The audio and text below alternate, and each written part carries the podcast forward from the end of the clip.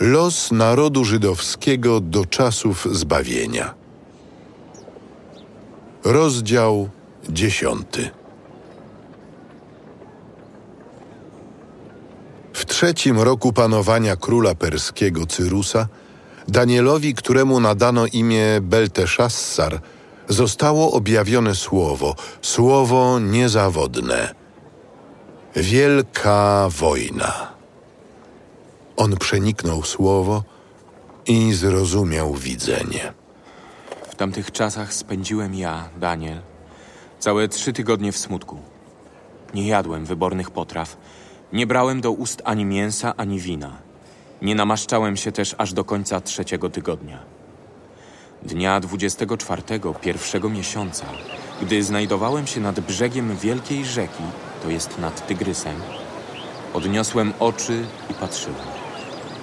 Oto stał tam pewien człowiek, ubrany w lniane szaty, a jego biodra były przepasane czystym złotem. Ciało zaś jego było podobne do złocistego topazu. Jego oblicze do blasku błyskawicy.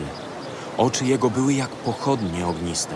Jego ramiona i nogi jak błysk polerowanej miedzi, a jego głos jak głos tłumu.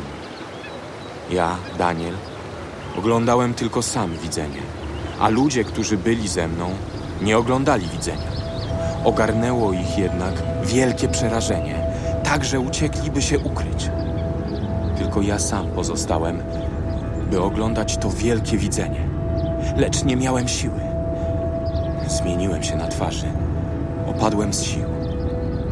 Wtedy usłyszałem dźwięk jego słów i na dźwięk jego słów upadłem oszołomiony twarzą ku ziemi. Ale oto dotknęła mnie ręka i wprawiła w drżenie moje kolana i dłonie moich rąk i rzekł do mnie. Danielu, mężu umiłowany, uważaj na słowa, które mówię i wstań, ponieważ teraz wysłano mnie do Ciebie. Gdy on mówił do mnie te słowa, drżąc powstałem. Powiedział więc do mnie: Nie bój się, Danielu. Od pierwszego bowiem dnia, kiedy starałeś się usilnie zrozumieć i upokorzyć przed Bogiem, słowa Twoje zostały wysłuchane. Ja zaś przybyłem z powodu Twoich słów. Lecz książę Królestwa Persów sprzeciwiał mi się przez 21 dni. Wtedy przybył mi z pomocą Michał, jeden z pierwszych książąt. Pozostawiłem go tam przy królach Persów. Przyszedłem, by zapewnić Ci zrozumienie tego, co spotka Twój naród przy końcu dni, bo to widzenie odnosi się do tych dni. Gdy on jeszcze mówił do mnie te słowa, padłem twarzą ku ziemi i oniemiałem. A oto jakby postać ludzka dotknęła moich warg. Otworzyłem więc usta i mówiłem do tego, który stał przede mną. Panie mój, od tego widzenia chwyciły mnie boleści i opadłem z sił. Jakże więc może sługa mojego Pana mówić tu z Panem moim, skoro nie mam teraz siły i brak mi tchu? Powtórnie dotknął mnie ten, który podobny był do człowieka, umacniając mnie. Potem powiedział: Nie lękaj się, mężu umiłowany. Pokój z Tobą.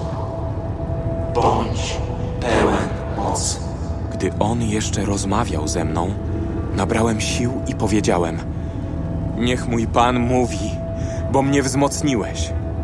I powiedział: Czy wiesz, dlaczego przyszedłem do Ciebie? Jednak oznajmię Tobie to, co zostało napisane w Księdze Prawdy. Teraz muszę znów walczyć z księciem Persów. A gdy skończę, wówczas nadejdzie książę Japanu. Nikt zaś nie może mi skutecznie pomóc przeciw nim, z wyjątkiem waszego księcia Michała.